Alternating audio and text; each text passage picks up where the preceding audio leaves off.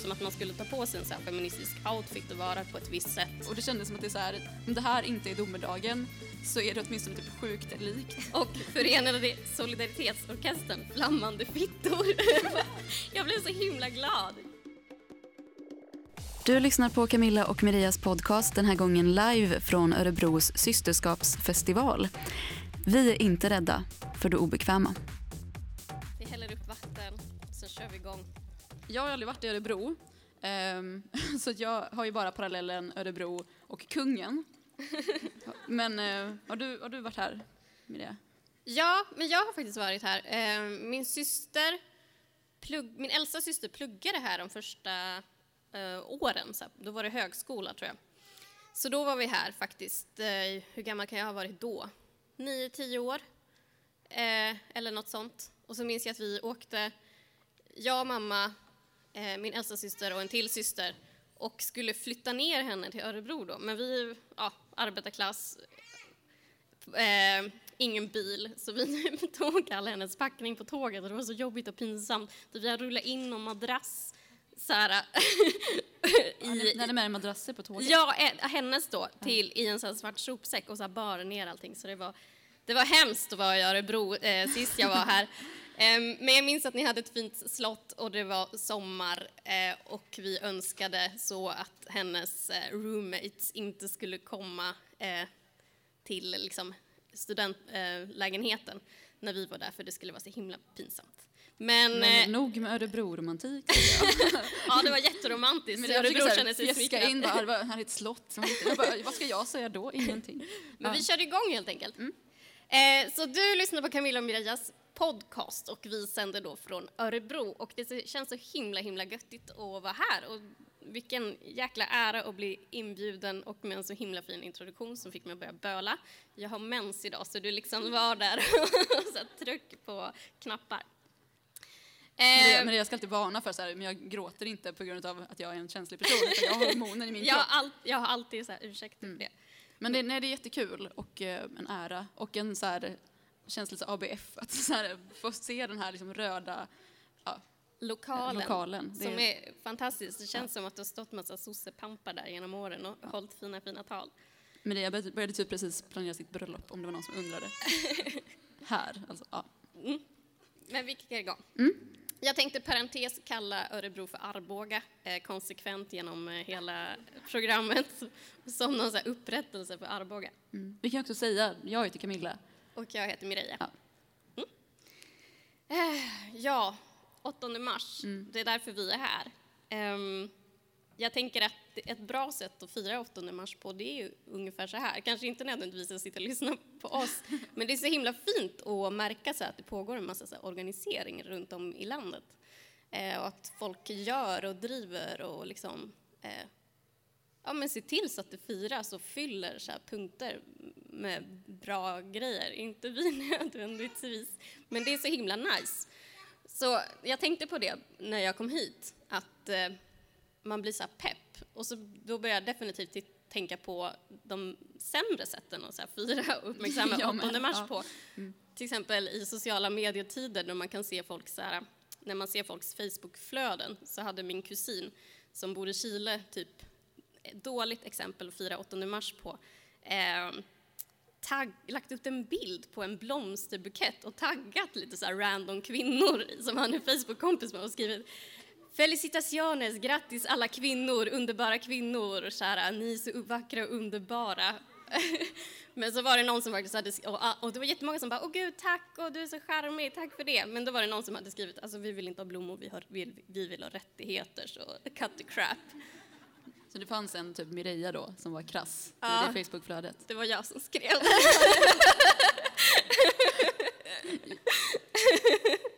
Ingen kommentar, jag hade, kunnat gissa. Ja. Men, ja. Men det här är i alla fall ett bra sätt att fira 8 mars på. Kommer du på något dåligt sätt att fira, mer dåligt sätt att fira 8 mars på? Alltså det finns ju asmånga dåliga sätt att fira 8 mars på, men eh, jag kan ju nämna min första eh, demonstration som jag var med och höll i, när jag var med i ett politiskt ungdomsförbund, tänker inte säga vilket. Eh, PGA eh, är journalist. Eh, men när jag var typ ja, men tonåring, barn. och gick med i ett politiskt ungdomsförbund så skulle vi eh, hålla i en 8 mars-demonstration som var så här, första i Uddevalla, typ, som ett ungdomsförbund höll i. Eh, bara det att den personen som skulle ha med sig facklor hade glömt dem hemma. Eh, och vi hade inte kollat upp om den parken vi skulle vara i var upplyst eller inte. Eh, plus att det började regna. Eh, så att vi gick liksom upp för Kungsgatan, typ, ja men vi kanske var tio personer, försökte skandera lite så här checka feministiska körsånger, fast det hörs inte så mycket när man är tio personer och bara vi vill ha sex, vi vill ha sex, vi vill ha sex timmars arbetsdag. Ehm, och det bara kulminerade i att det började regna och vi stod typ på någon jätteblöt i någon park och det var helt nedsläckt. Och det kändes som att det är så här, om det här inte är domedagen så är det åtminstone typ sjukt likt. Men det var kvinnokamp. Ja, men någonstans så brann det ändå någon, någon slags kvinnokampsfackla inom. Nej, det var jättedeppigt. Jag läste programbladet tidigare idag när jag kom hit för hur man firar 8 mars i Örebro och jag blev så pepp. Och jag har inte fått läsa det för Nej. att eh, jag vill läsa det högt nu. Men punkterna efter oss, det är fitt-monolog igen och Förenade Solidaritetsorkestern Flammande fittor. jag blev så himla glad. Typ jag tänker att det är en eldshow som kommer vara med så flammande fittor efteråt och jag bara yes, Örebro. Ser fram emot alltså, hur ska vi toppa det? Hjälp! Nej men vi är förbandet. Ah, okay. så det behöver inte oroa sig. Mm. Men eh, jag jobbar med hbtq-ungdomar eh, och eh, som har på en fritidsverksamhet som RFSL bedriver. Och då uppmärksammade vi 8 mars igår var det, för då var det torsdag. Mm. Eh, och då körde vi igång så här banderollverkstad och då blev det verkligen så här eh, den feminismen, liksom feministen i mig, liksom den lilla Mireia som första så här uppvaknandet, feministiska uppvaknandet. Jag blev så nostalgisk för de liksom sydde och klistrade och gjorde så små liksom, liksom gjorde banderoller och gjorde kort och det var så himla fint. Och jag började också då tänka på eh, min första så här, 8 mars-demonstration och hur himla viktig den var. Och jag var så himla, himla förberedd. Jag gick på så här, tjejgruppen i, eh, på en fritidsgård där jag eh, gick och då var det en ledare som var feminist och jag bara, det är någonting bra. Jag tror jag var 13 år då och det var då jag började kalla mig, eh, kalla mig för feminist också. Och så skulle det vara 8 mars och det kändes som ungefär som debutantvalen fast för feminister, den första demonstrationen. Och jag gjorde så himla bra skylt. Det här, den var faktiskt det. det var, jag gjorde så här Lilla My eh, som hoppade på en så här jättestor eh, ja, en ganska stor bild på Lilla My, så skrev jag Lilla My Power. Och så var jag helt så beredd. Jag klädde på mig mina coolaste feministiska kläder som då var så stora eh, manchesterbyxor och alldeles för mycket svart kajal. Och så hade jag satt upp håret, så två bollar på huvudet eh, och en Nalle ryggsäck eh, och platåskor på det. Det var en konstig mix. Så gick jag dit och så skulle jag liksom för första gången få träffa alla de här feministerna. Man var liksom så upprymd, för det var typ bara jag som kallade mig feminist i min klass och tvingade med en kompis. Och så kommer jag dit och så är alla de här coola människorna man har sett i Gävle som har så här annorlunda stil där. Ehm, och det första jag möttes av var den här killen som spelade i ett coolt band, en kille som spelade ett coolt band som bara rusade förbi mig och nästan knuffade ner mig för att han såg typ en Backyard Babies-affisch eh, som han skulle riva ner då. Eh, och då frågade jag, men varför river du ner dem? För jag tror typ Dregen var med där och Dregen var ju bra på något sätt. Men då var det att de hade haft så här ett skivomslag med någon naken tjej på och jag bara, mm, eh, spänd kille. Och sen så när vi skulle gå i demonstrationståget så hade jag inte fått, de hade inte så mycket pengar så de, råkade in, de hade inte råd att kopiera upp så många eh, liksom slagordspapper. Mm.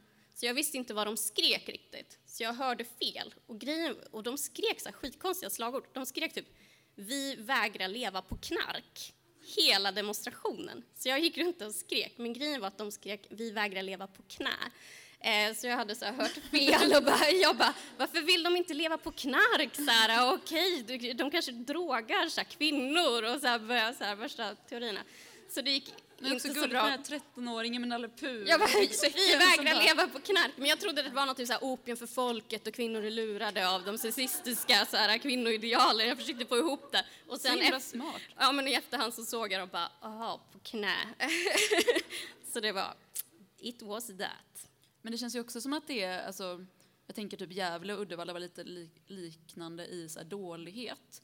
Att det inte fanns så här en organiserad, aspeppig stämning. Jag vet inte, om att du inte fick någon lapp med slagord på, att det var lite så här halvbra. Ja, men de hade inte så mycket pengar, men Gävle, det var mycket organisering i Gävle. Liksom, Gävle är ju så här traditionellt väldigt starkt syndikalistiskt fäste och så Ung Vänster var ganska stort på den Mm. tiden.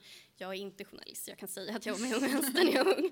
Eh, Camilla var inte det, hon var med i Random ungdomsparti när hon var liten. Ja, ja. Eh, nej men så det var ändå ganska bra, men det var, jag tror jag mest slogs av att komma dit som 13-åring med en Nalle att det var en så himla mycket stark stil som man skulle vara, som att man skulle ta på sig en så feministisk outfit och vara på ett visst sätt eh, och helst ha liksom, det längsta armhåret och då vann man. Och eh, jag hade typ knappt armhår som jag var typ barn under Men armarna. också så jobbig stämning när man typ hade möte, alla skulle slänga upp sina Converse typ så här på bordet. Jag gillar att du illustrerar det här nu. Jag var tvungen att visa hur alla slängde upp sina ben. Och verkligen så här, ett, ett, en monoton sko, fast liksom i olika färgskalor. Eh, och sen insåg ju alla att så här, nej, Converse är dåligt. Och då skulle alla byta sko samtidigt. Det var väldigt konstigt sådär. Och då hade jag precis hunnit få mina. Så jag var så här, bara, "Men vad ska jag göra nu? Det var ju fel. Man skulle ju klä sig i ett visst mönster liksom. Mm. Men när jag tänker på så här dålig organisering så är det väl typ, men så här att någon glömde facklorna hemma, typ min första 8 mars demonstration. Det är också så här, vi kanske ägde en mer fokus på att så här, när vi skulle ha en, eh, vi skulle typ så här markera mot Uddevallas enda porrbutik. Att så här, nej, ni får inte vara här, vi sitter utanför och typ fikar för att uppmärksamma att det är en porrbutik. Eh, och då var det så här mer fokus på typ bullar, alltså här, att de skulle vara veganska, typ. än på att faktiskt så här, vad händer när vi väl sitter där? Är det, får vi det? Får, får man sitta utanför en butik? Vad händer, vad händer då när polisen kommer? För polisen kom. Och jag var ja, men sådär, liksom, flyktingbarn, liksom 13 år, jätterädd för polisen. Och bara, okej, nu kommer en polisbil, en väldigt matt man som såg ut som en donutpolis. Eh, kom fram till oss och bara, ja, ni får inte sitta ni, måste, ni får inte sitta vid utgången. Ni måste flytta er, ja, pekar så här, en meter bort. Kan ni vara snälla och flytta er dit? Och så satt vi med våra termosar och bullar och bara okej, om, om du så gärna vill. Alltså, jätteskräckslagna tonåringar flyttar sig en meter och sen åker polisbilen därifrån.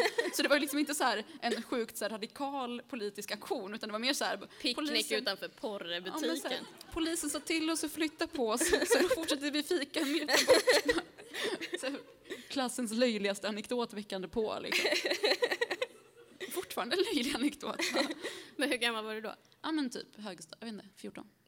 Men upplevde du det då, det här med att man skulle vara på ett visst sätt? Eller du bara kände att du passade in, mält, mältade in Nej. i systerskapet och allt det där? Nej men alltså, tvärtom kanske, melted in. Bara så här, vad, vad menar ni? Vad? Svengelska. Ja men typ, eh, jag vet inte. Men eh, mina föräldrar var ju däremot så när de ringde hem till Chile, typ mamma så ringde hem till Chile och berättade för mina andra så morbröder och mostrar. Bara, ah, men Camilla har gått med i det här. Eh, random, ungdomsförbundet. Ehm, och, och mina släktingar bara, va, hur lyckades du med det? Hur lyckades du övertala henne till det? Bara, eh, nej, hon Att ville alltså själv. Att det var en så bra grej? Ja, ja, att det var så här positiv... Så det var inte som att jag så här melted in i en grupp. Det var liksom helt normala tonåringar med Mm. Converse-skor. Liksom. Det var inte som att det var så här att jag var tvungen att göra inträdesprov liksom. Mm. Och klättra över något farligt. Nej, Alltså det var ju ganska normalt. Så här. Man, ja. Det vore ju för sig kanske en grej att ha, så Ja. inträdesprov. Jag vet inte Det var inte vad det skulle vara. liksom. Man måste kunna göra det här fyrverkerigrejer med sina fittor som de gör i Örebro för att, få vara med. Ja, Och jag, då sen. jag typ ångrar att min tonårstid är förbi. Vad ska jag göra för att få med, vara med i sånt här sammanhang? Ja, få komma hit och prata och så här, försöka smygtitta sen. Mm. Jag, tänker mycket, jag har tänkt mycket på, ehm, på typ mormor faktiskt inför det här 8 mars. Jag vet, inte- för när jag tänker så här feminist 8 mars så tänker man ju liksom så här, uh, the obviously så brukar, börjar man tänka på så här Simone de Beauvoir. Eh, och mormor och Simone de Beauvoir, de är födda samma år. Eh, så det firades ju 100-årsjubileet för henne. Alltså, båda är ju döda sedan länge. Men deras 100-års, ja inte deras, Simons 100-årsjubileum tror jag firades. Men de borde ha firat min mormors.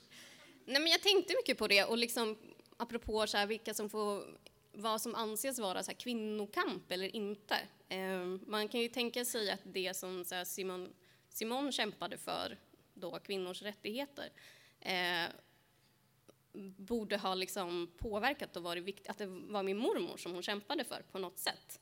Men eh, min mormor hörde aldrig talas om, Eh, hon hann dö innan hon visste vem det var och kallade sig, var verkligen inte feminist. Hon växte ju upp inom en eh, ganska hårda förhållanden. Hon födde tio barn under sin så här, levnadstid. Eh, var hon fostrade åtta eftersom två dog när de var små eh, och levde så här.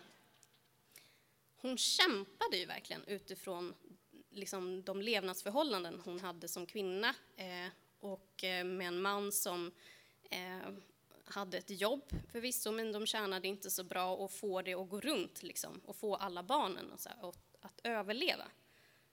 Men det mormor gjorde och hennes liv, det definieras ju så långt ifrån som kvinnokamp, utan det är mm. bara ett så vanligt jävla liv som så släcks och glöms bort.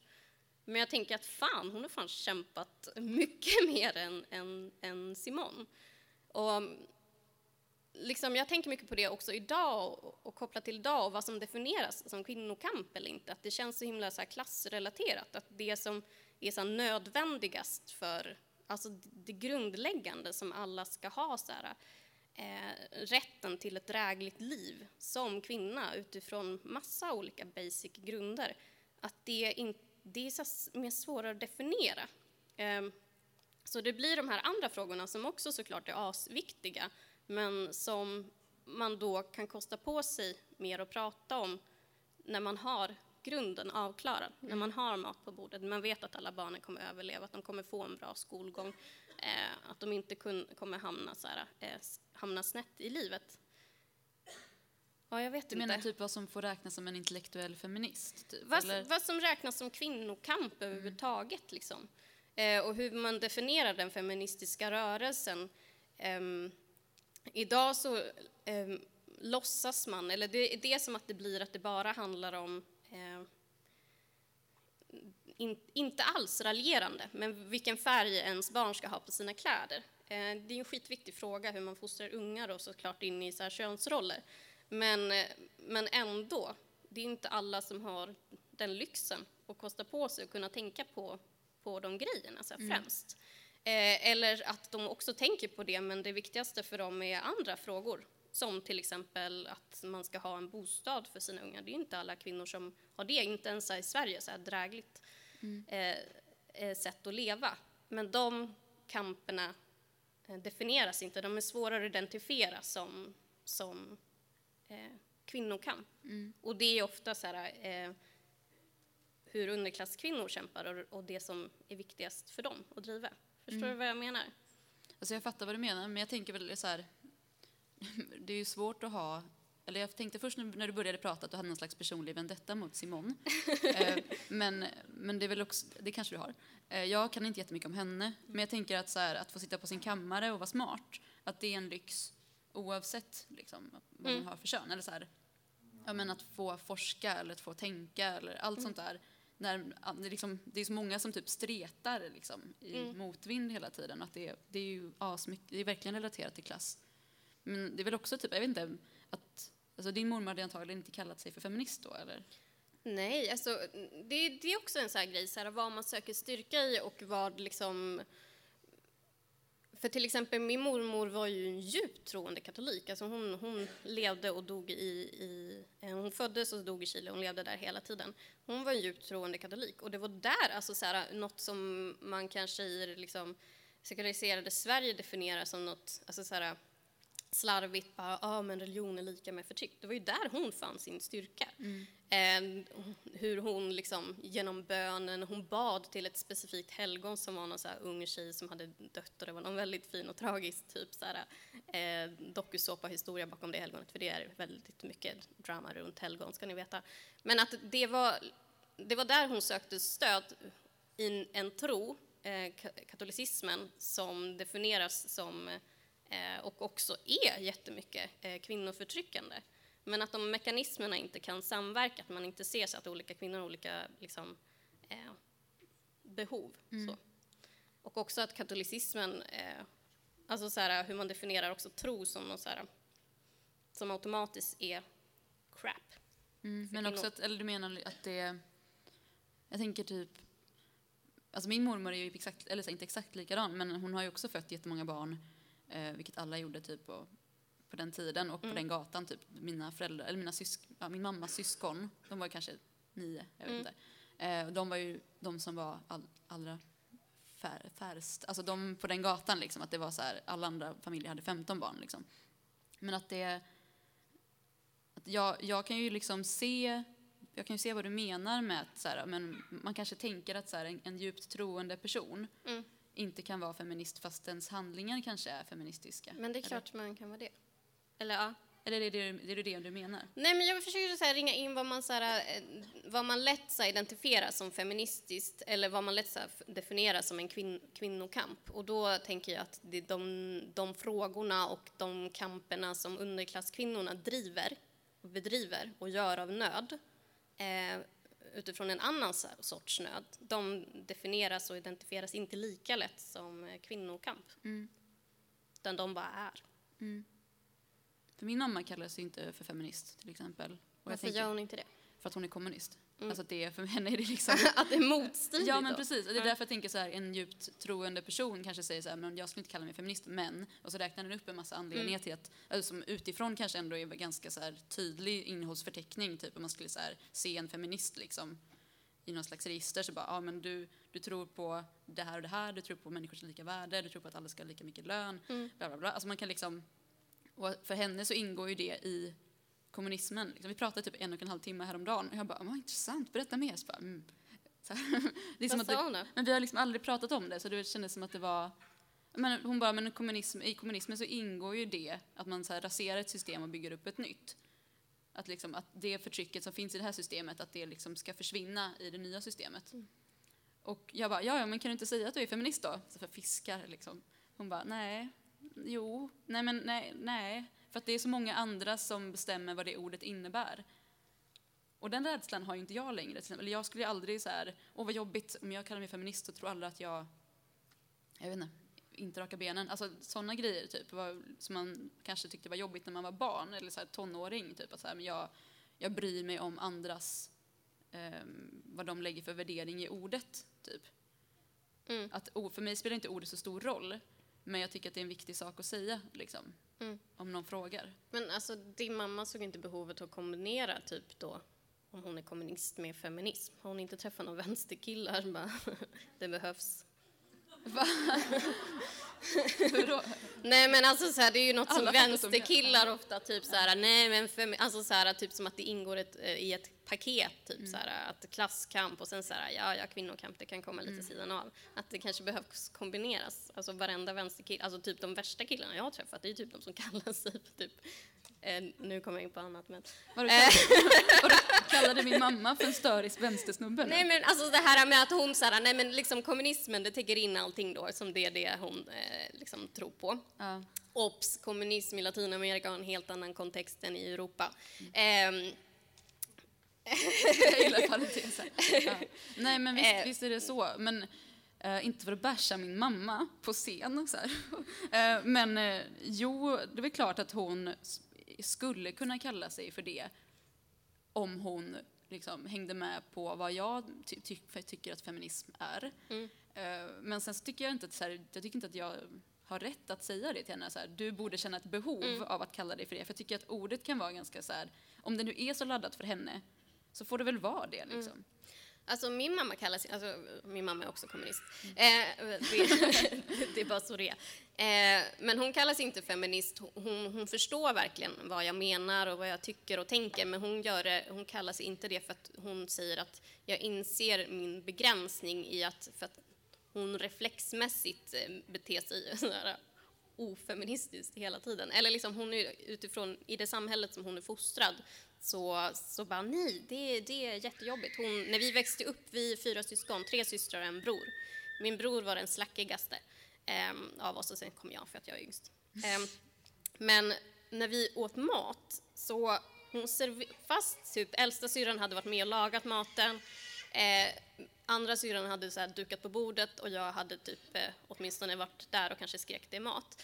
Så, och min brorsa hade inte gjort någonting.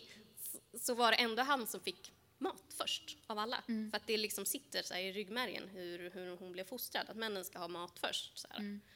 Och han var i och för sig jävligt klen så han kanske behövde det. Men, liksom, men ändå, det var inte av den anledningen som hon gav honom mat först. För att hon bara nej, alltså det, det, liksom, det sitter i kroppen. Jag kan inte göra det. Och, och det är därför hon inte gör det. Men det är också en sån där liksom, klassisk scen, typ. Eller så där, jag vet att jag åtminstone visste att jag ville att alla, liksom, alla hade lika rätt typ, till olika saker. Tex, ris, eh, liksom man ska prata om middagar.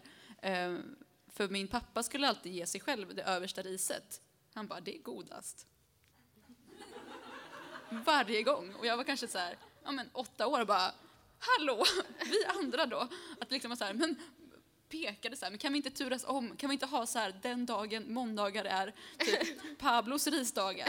Eller mammas? Är eller, det sant? Ja. Tog han översta riset? ja, men då visste jag att jag var feminist My ganska fucking God. direkt. Men det är det som är så fint, för att liksom, det skedde... Så här, mitt feministiska uppvaknande skedde liksom så...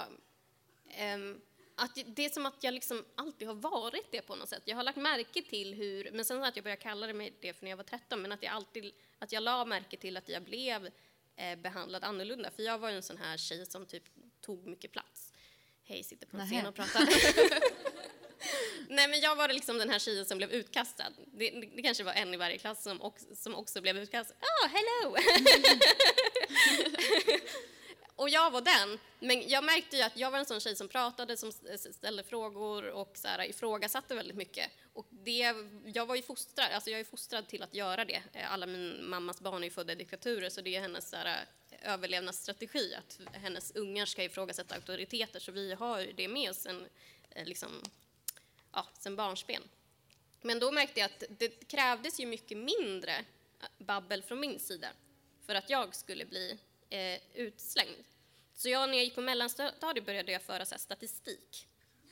Det är sant, jag gjorde sådana här små streck varje gång killarna pratade och varje gång jag pratade och hur många streck det krävdes för att en kille skulle bli utkastad och innan jag skulle bli utkastad. Det krävdes ju betydligt färre streck innan jag blev utkastad än innan killarna blev det. Alltså det här är så jävla bright att jag blir tårögd. det är fantastiskt. Vadå, kunde du inte visat upp det då sen eller? Nej, men jag sa ju att det var orättvist. Det var inte så att jag bevisade för läraren, men jag sa ju att det var orättvist för att eh, här, jag, vis- jag borde ha visat upp det. Eh, men att mm, vi behandlade olika, bla bla bla, typ så. Jag måste ha varit jävligt jobbig att ha att göra med. Eh, men ja. Ja, jag, är- jag är typ i chock. Jävla smart. Jag gjorde bara statistik över så här, hur bra musikvideor var. Dans, streck. ja. Det här var ju mycket coolare. Ja, ja. Men mm, det är det här med att kombinera olika... Att saker och ting måste kombineras, apropå att din mamma kanske borde kombinera, eller våra mammor borde kombinera eh, kommunism Kommunismen, då, mm. med feminism. Det märks ju också inom feminismen idag, att det glöms bort att kombinera den med andra saker. Att man tänker typ, det har ju, nu senast var det den här Expressen-grejen. Har ni hört om den? Eh, Expressen firar 8 mars och då låter de eh, åtta kvinnor, tror jag det är, eh, prata om eh, kvinnofrågor och berätta om hur det är att vara kvinna utifrån olika perspektiv. Eh, och alla de här åtta kvinnorna är vita. Lite som ett pojkband typ. Så det råkade bli 14 killar på scen. Ja. Oj, hur gick det till? Ja. Och då så är det massa personer som har ifrågasatt det här eh, under typ hashtaggen vi finns. Eh, att, men är det inte lite problematiskt nu? Var det ingen som tänkte att hallå, eh, det ser ut som en så här julvideo med snö här inne. Så vitt är det i, det här, liksom, i den här redaktionen då, som ska berätta om 8 mars. Och de kan inte ta den kritiken. Nej, men framförallt så tycker jag att det är så intressant när man, alltså jag har ju typ inte orkat bli arg över det här för jag tycker att det är så otroligt genom, alltså genomarbetat tråkig diskussion. Att det är så här, det är så gammalt, det här, vi borde kommit längre. Var är progressiviteten? Jag blir så trött. Att det är så här, och- Fast vi det, borde ju inte ha kommit längre. Du vet ju att vi inte har kommit längre. Jo. Vi har ju startat rummet för att vi inte har kommit längre. ja, vi har startat en plattform. Eh, Men men nej, jag blev irriterad liksom. Eh, Men inte sur. Men det är väl också för att det är så här, ja, men man ser alla som pratar om det, typ. man ser alla flöden, så här, vilka det är som typ agiterar högst och så här skriker det versaler från sina tangentbord och så här postar nya Twitterinlägg var 37 sekund, då är det alltid så här vita feminist-tjejer som bara “jag förstår inte vad problemet är, de skriver ju ändå om folk som kommer från andra länder”. Ja. Man måste ju kunna skriva, alltså att det på något sätt handlar om, okej nu blir jag ändå lite arg, Eh, men, men att det någonstans är så här, ja men eh, den här gamla retoriken typ så här, man behöver inte sitta på kåken för att skrika, skriva om kåkfarare. Bara, nej, Men eh, liksom men att det är man, inte samma sak. att man inte ser att jo, men det är ändå skillnad om en person får berätta om sig själv än om den först blir filtrerad genom en annan person.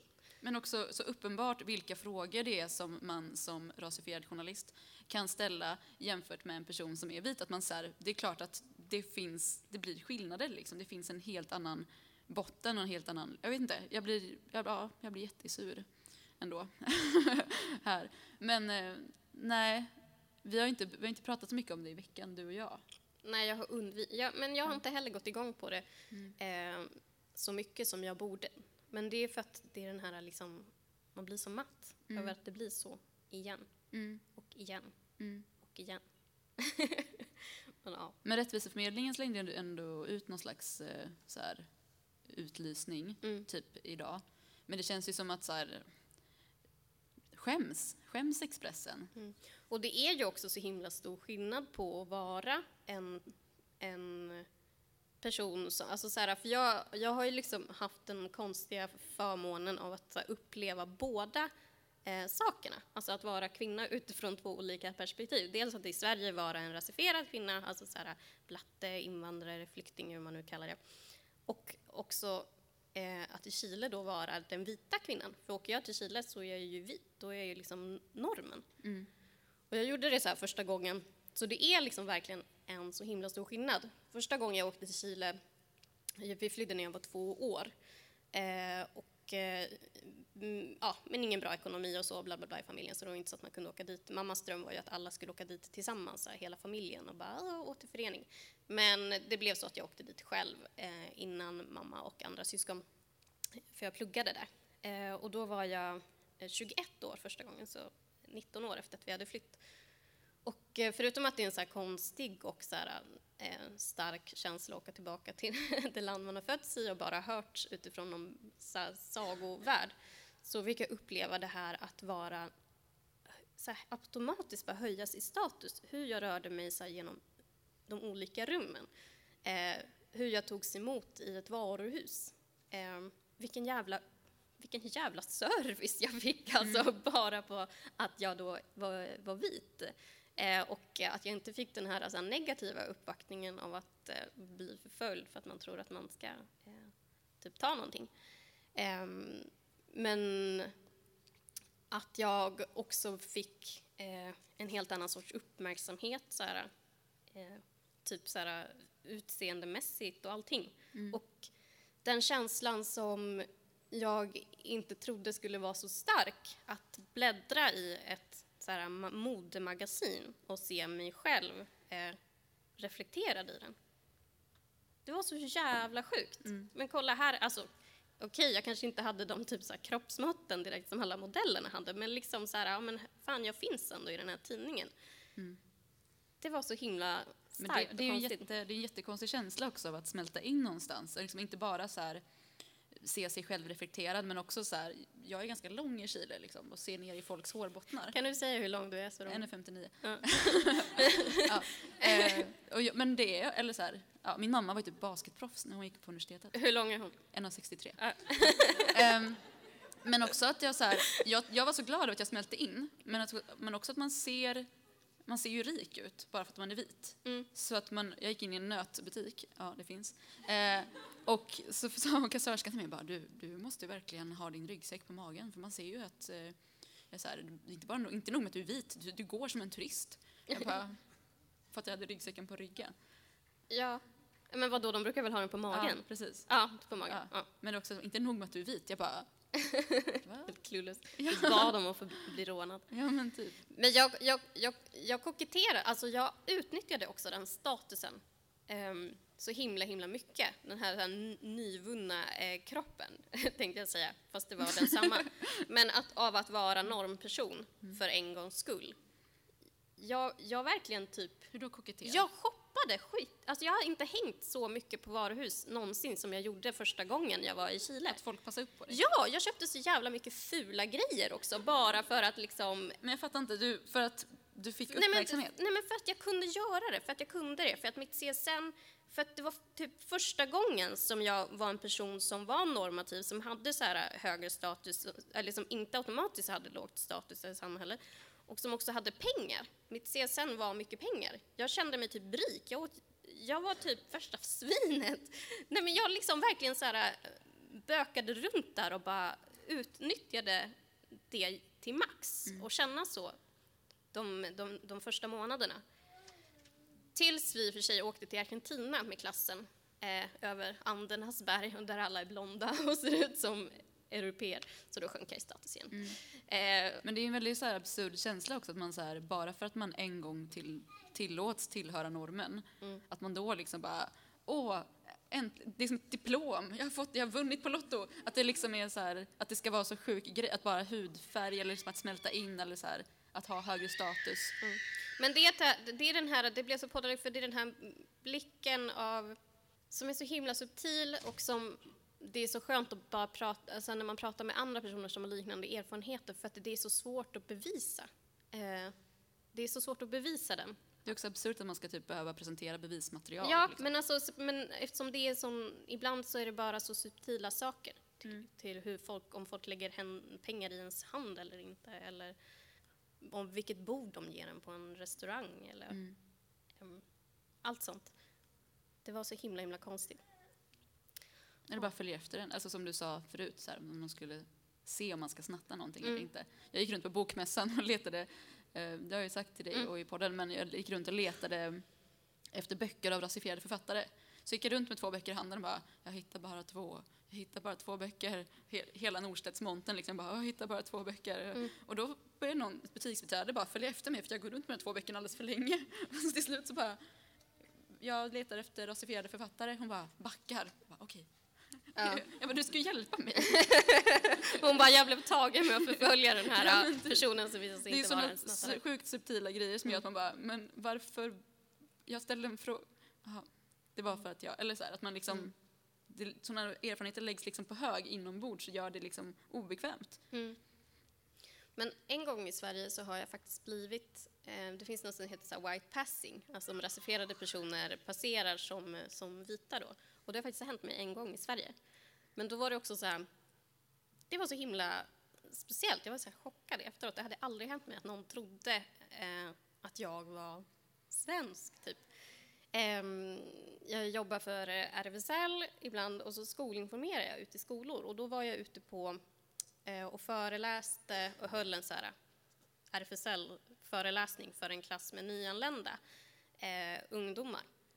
Och i den gruppen så var de så här rasifierade på olika sätt, eh, kom från olika delar av världen. Vissa var, liksom, om man ska se till hårfärg och så här, hudton, eh, ljusare än vad jag var. Och så hade jag hållit, eh, varit där och haft en, en lektion och ibland så försöker jag göra så här, em, pedagogiska poänger genom att jämföra hur olika maktstrukturer samverkar så att man kan förstå till exempel att om man kanske inte själv inte är hbtq-person så kanske man till exempel är rasifierad eh, som många, som typ alla var i det rummet och för att för, för, förstå dem och förstå olika maktordningar. Vissa grupper är utsatta för det här och vissa för det andra. Och, så då tog jag mig som, själv som exempel hur normer ibland så här villkorar normbrytarna. Um, um, och då sa jag så här, jag som är född i Chile då, och hela klassen bara äh, är du för... Ah, va? Va? Alltså alla blev så här helt chockade. De fattade inte att jag eh, liksom var, jag är som ni, typ. Men grejen, och mitt namn stod på tavlan, Mireia, alltså det, det är inte det vanligaste namnet. Men saken var att lärarna också, i efterhand, när vi käkade lunch, sa bara, gud vilken bra pedagogisk poäng du sa där, när du avslöjade att du, var, att du inte är svensk från början.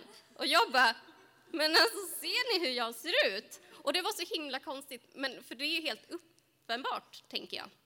Så sen så tänkte jag, vad, men vad beror det på? Och då var det det här med så här, statusen såklart och auktoriteten. Att jag hade stått där framme i ett rum, varit expert, varit omgiven av andra personer som var rasifierade, som inte var lika institutionstecken integrerade och pratat om så här, viktiga saker. Och då så blev eh, min blattighet så här, helt osynliggjord i det sammanhanget. Mm. Och du fick ett kollektivt gasp. Ja, Helt verkligen. Fast jag tycker det är så, eller jag råkar ut för det hela tiden, men det är ju för att jag umgås, umgås vistas i och umgås med folk i väldigt vita, Vadå, att folk tror att, va? ja, i väldigt vita rum. Det är ju, folk har ju sagt det till mig sedan jag var barn. Att de tror att du är född i Sverige? Ja. Och, att jag har svenska föräldrar. Bara, men jag trodde bara du hade färgat håret, säger en tjej till mig som jag har pluggat med i två och ett halvt år. Jag trodde bara att du hade färgat håret. Och jag har också pratat jättemycket om att vara född i Chile, om hon vet vad jag heter, Camilla Astorga Diaz. Eh, och bara, jaha, min, eh, så du färgar alltså inte håret? Sitter vi och äter glass i Slottsskogen och jag vill typ dö. Jag, jag vill inte vara taskig heller för det är så sista glassen innan så här skolavslutningsglass. Så här. Sista glassen innan sommaren och typ bara, ska det sluta med dålig stämning? Är det här, är det här nu jag breakar bara så här, jag är född i Chile. men det var inte en sån liksom, komplimang då som eh, man som rasifierad kan få, eller som hbtq-personer också kan få, den här typen Nej men gud, jag trodde inte du var flata. Alltså så här, eh, jag trodde du var hetero. Och man bara, eh, vadå, är det en Slow komplimang? clap. Och, och vad sa du nu? Så här, och då eh, finns det ju personer som också brukar säga det till rasifierade personer. Bara, eh, Nej men gud, jag märkte inte att du såg annorlunda ut. Jag märker inte att du är svart, kan de säga till personer som en komplimang. Typ bara, jag såg dig som en, som en av oss. Typ så här. En homo sapiens. ja, I don't see color. Ja, men, Det det är också, men, det, nej, men det är också så här, den hör ju till kategorin komplimanger så här, du pratar bättre svenska än svenskarna. Det är också så här, jag vet inte riktigt hur jag ska ta i den komplimangen. B- vad betyder den? Man så här, kör, Min mamma brukar säga den till mig. Hon försöker peppa mig. vad gullig. Nej men det här är också från en rasifierad person. Ja. Vi kör truck så här, kör förbi varandra Men alltså, det är på ett jobb, det är inte så att du bara randomly och kör truck. Tack för poängen. Ja, Ehm, men, och den här personen bara, "Ah, förresten du pratar bättre svenska än svenskarna. Sluta köra. Och jag står kvar och bara, vad hände, vad hände här? Liksom, hur, för, hur, va? Hur, vad förväntas jag säga? Tack! Och det var så de vinkade och åkte iväg med sina truckar i I solnedgången. Det var faktiskt så. Ja. Jag Men- kvällspass. Men frågan är lite hur eh, Örebro har sett på oss under den här stunden. Dom, dom, dom, dom. Eh, för jag tänker att vi kanske... Alla som trodde att vi var vita för att Nej, jag skojar. Jättetråkigt skämt. Ehm, För jag tänker att vi rundar av vårat babbel eh, så länge. Och eh, det var, jag vet inte när ni sa så i början, för jag blev så tagen av allt det fina du sa så jag typ bet mig själv någonstans eh, för att inte börja grina. Nej, men jag, liksom, jag, jag faktiskt råkat, det var faktiskt en, en lärare som sa till mig att om, om, om man eh, inte ska gråta eller inte gäspa så ska man göra illa sig själv, så jag gjorde det. nej, men, men, nej, men har inte jag sagt det till dig? Att om man nyper sig själv så ligger det i samma centrum som smärtcentrum ligger i hjärnan. Okej. Så att om man är kissnödig det så var ska nu man den nypa sig här själv. podden övergick till något helt annat. Det jag tänkte säga det är att det finns möjlighet att ställa frågor nu eh, den här sista stunden om vad som helst. Eller ja, inte vad som helst. Eller ni kan ställa frågor om vad som helst. Ja, Vi får- behöver inte svara. mm, värsta presskonferenserna. Jag är ganska närsynt så om man vill säga någonting så är det bara att Det är någon prata. som viftar där nere. Ja, säg, säg. Säg! Rummet! Ska vi berätta om rummet? Mm. Absolut. Rummet är en separatistisk plattform för rasifierade ras- antirasister och feminister. som eh, jag och Camilla eh, startade tillsammans med eh, vi har ju den här podcasten, Camilla och Mirias podcast, som pratar om ungefär sådana saker som vi har pratat om ikväll. Ikväll var vi extra flamsiga kanske. Eh, Ni fick spexet.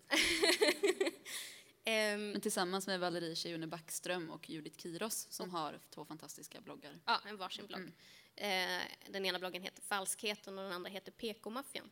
Så då, ehm, jag och Camilla har ju haft den här podden och som handlat mycket om att vi själva ska prata till varandra. Eh, men som ni ser så är mycket av vår publik vit. Eh, och det är härligt att folk vill lyssna på oss. Men vi märkte att ehm, folk hörde av sig till oss och ville ställa, ställde frågor och ville veta mer om oss. Så det här samtalet som vi skulle ha till varandra blev istället väldigt så här, aktivt till en, eh, till en vit publik. Att omedvetet så blev vi de andra i det rummet där vi skulle vara eh, eh, subjektet och inte objektet. Ehm, så då eh, höll de här två andra bloggarna på med eh, liknande saker. Och då kontaktade vi varandra eh, och sa hallå, vi borde göra någonting ihop, en, en, någonting. Och så blev det den här plattformen, eh, Rummet, som eh, eh vissa tycker är bra, medan Hanne Schöller inte tycker den är lika bra. Hanne Schöller skrev om oss häromdagen på DNs ledarsida. Ja. Eh, vi behöver inte nämna det mer än så. Fast det var eh, jätteroligt. Jo, men ja. också så här, okej, okay, Hanne Kjöller, för den som inte vet det, eh, skulle förra hösten till Bokmässan, Bokmässan släppa en bok om faktafel. Eh, lite jobbigt eftersom hon själv då hade asa mycket faktafel i sin egen bok, så hon var tvungen att dra tillbaka den. Mm. Och hon tycker att eh, rummet är typ som en Elta-sajt för sjukskrivna, så det mm. säger ju lite om vad hon har för bild av samhället. Mm. Men det var i alla fall, eh, men, men rummet ska i alla fall, vi har dels den här hemsidan där bara, eh, som Camilla sa, personer som är rasifierade och som är feminister och antirasister eh, får publiceras eh, och höras. Helt enkelt. Mm. Och sen så jobbar vi också så aktivistiskt vid sidan av. Vi har till exempel studiecirkel som eh, Eh, som vi har. Eh, vi sålde ut på en kväll. Jag kände mig som Beyoncé när vi la ut. Alltså det var tolv platser så det var inte så mycket, men i alla fall. Eh, det är faktiskt kö på den studiecirkeln flera gånger om. Det är ehm, ABFs Beyoncé. Men så vi, jobb, så vi jobbar så och ja. Mm. um, så vi jobbar liksom på olika sätt. Det är inte alla som har en, liksom, känner att de har så nära till att sätta sig ner och skriva en text. Det, det beror ju på till exempel vad, vilken närhet man har så här, till ord eller vad man har för klassbakgrund, vad man har för bildning. Så då tänker vi att tanken med den här studiecirkeln är att eh, peppa folk att eh, helt enkelt Steg ett kan vara att man kommer och snackar förutsättningslöst och sen så kan steg två vara också att man så skriver någonting och får någonting publicerat. Det är ju många texter som har publicerats där, publicerats där som har fått jättestor spridning. Mm. Mm. Men eh, framförallt, så, eller om jag ska prata om så här, lite så här götter runt rummet, så är det väl att vi har haft en ganska nice eh, Facebook-chatt-tråd där vi har fått vara vi. Man pratar om och våra olika erfarenheter och att, mm. det, och att det är det vi försöker öppna upp ännu mer då med rummets.se. Att det där, där får alla vi som alltid blir de andra kalla oss själva för vi. Att mm. vi liksom kan hjälpas åt att förvalta det liksom, berättandet. Så vi är väl lite redaktörer för den sidan också kan man säga. Mm. Men det blev så, så himla tydligt när i vanliga fall när man så diskuterar aktuella saker, nyheter, vad som helst, eh, en tv-serie, eh, att göra det när vi, när vi fyra började liksom ha den här chattråden på Facebook, att det blev så himla stor skillnad. Mm. Alltså, för en, en, anledning med att ha rummet är ju också att vi vill ta det här antirasistiska samtalet ett steg vidare. Ehm, man kan ju se att det är flera olika ehm, grupper som nu väljer att vara separatistiska, så det är inte unikt för rummet alltså så här, att rasifierade grupper är separatistiska. Det finns ju en organisation som heter Interfem till exempel, eh, som är för rasifierade kvinnor och transpersoner och sen så finns det också kulturföreningen Tryck som är för svarta kulturarbetare. Och jag tror att många gör det som resultat efter de här diskussionerna som har varit de senaste åren, som då mest har varit kulturdiskussioner eh, om Lilla hjärtat, om tårtan, om Tintin. Eh, att en grupp människor, då ska vi generalisera de rasifierade, befinner sig liksom lite längre fram i den antirasistiska diskussionen. Och det är inte utvecklande om man gång på gång får liksom ta samma, börja på ruta ett i det. Så då skapar man de här rummen så att man kan ta, ta det vidare istället för att slippa. Alltså det, den antirasistiska diskussionen känns ibland som att det, man kollar på en film och så kommer det in någon och bara “men hallå, jag missade början” så får man spola tillbaka igen och så bara sitter man där och bara “nej” och så har man sett samma sak tusen gånger. Mm. Men lite som den här diskussionen med Expressen, det är lite som att man bara den hyrde jag ju förra veckan och såg början på, då, ja. åtta gånger. Ja. Mm. Lite så. Det, mm. fick du svar på rummet? Bra. Ja, bra. Jag såg bara att du höll upp några fingrar, men jag visste inte om det var ett eller typ flera eller vilket finger. Så, jag bara, åh. Skräcken är långfinger. Men gärna mer frågor om mm. det är någon som klurar på en. Mm. Ja. ja men, eh, ni intervjuar ju ibland folk. Ja. Mm. Det älskar jag när ni gör. Det- Vad har ni för drömpersoner att intervjua? Gud, vilken bra fråga. Den var, Tänk- Jag tänkte att du skulle börja prata först så skulle jag skulle få lite tanke... Eh, Den är jättebra. jag vet ju vilken som är din drömgäst. jag vet vilken som är din drömgäst, inte min drömgäst. Du skulle vilja intervjua Arja Saijonmaa. Ja, men... Ja. Det vill vi inte prata om nu. Okej, jag har en jätte, jättefin relation till Arja Saijonmaas låt Jag vill tacka livet. Eh, för jag har spelat den på kassett sedan jag var barn och tycker att den är fantastisk och eh, blev också mosad på klassens timma i ettan i lågstadiet när jag spelade upp den här låten. Eh, för hon säger att hon vill tacka sina kroppsdelar, typ. Ja, Fast jag kom på, jag kom på en drömintervju. Det är en, en fransk rapperska som heter Kenny Arkana eh, som verkar mycket i Marseille. Som är helt, eh, hon är ganska het, men sen så sjunger hon om väldigt politiska raptexter. Jag kan inte franska, men jag hoppas att hon kan spanska. Hon har argentinsk eh, eh, kommer, ja, bakgrund. Det finns ju mycket, ja, så mycket coola Så människor. henne skulle jag men det är ju så här, men det är typ så här, vad skulle du göra om du åkte upp till månen? Den känslan. Men jag, På den frågan. Men jag tänker att det, det som egentligen skulle vara så här drömsituationer med intervjuer, det är att man skulle intervjua folk som inte är kända. Alltså så här, folk som man kände till i sin vardag eller i sin närhet eller typ som någon har tipsat om att jag har en skitspännande typ granne eller moster och så räcker det. Det skulle vara så himla fint att man eh, anser det vara tillräckligt för att en människa ska vara intressant, att den inte varit med i, i en massa tidningar och tv, utan att det bara är det de har att säga. Och det skulle vara så drömsituationen, att man skulle kunna få lyxen att göra det någon gång. Intervjuserier med viktiga människor som inte är kända. Inte för att dissa de intervjuer vi har gjort, med, eller dissa, men eh, hissa kanske. Men, men jag tycker ändå att, eller så här, vi har intervjuat Salla, Salla Sar ur Latin Kings, eller för detta Latin Kings, och vi har intervjuat Athena Farrokhzad och Som är poet. Som är poet. Alltså, vi har intervjuat jättemånga coola människor som jag har varit väldigt starstruck över. Så att, ehm, ja, de får gärna vara kända också. det är mitt svar. Ja, ja, vi ser vilka, vem som är den goda och onda här. Menar du att du är ond? Nej, du är den onda, jag är den goda. okej. Jag träffar vanliga människor. Jag, frams- jag försöker framställa mig som den, som det i alla fall. Det går sådär. För att jag tänker högt. du så här på. Jag är ABFs Beyoncé, sa hon och bara njöt av livet lite. Jag är det. Nej, jag ska. Eh, är det någon, finns det några fler frågor? För annars så tänker jag att vi tackar för oss. Tack så jättemycket för att vi kom Örebro. Vi ses på den här eh, fittfyrverkerigrejen i efteråt. Tack för oss.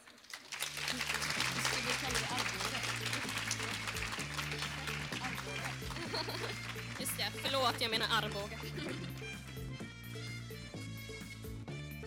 Du har lyssnat på Camilla och Mirias podcast som görs av mig Camilla Astorga Diaz och av Miria Echeveria Quesada. Vi är inte rädda för det obekväma.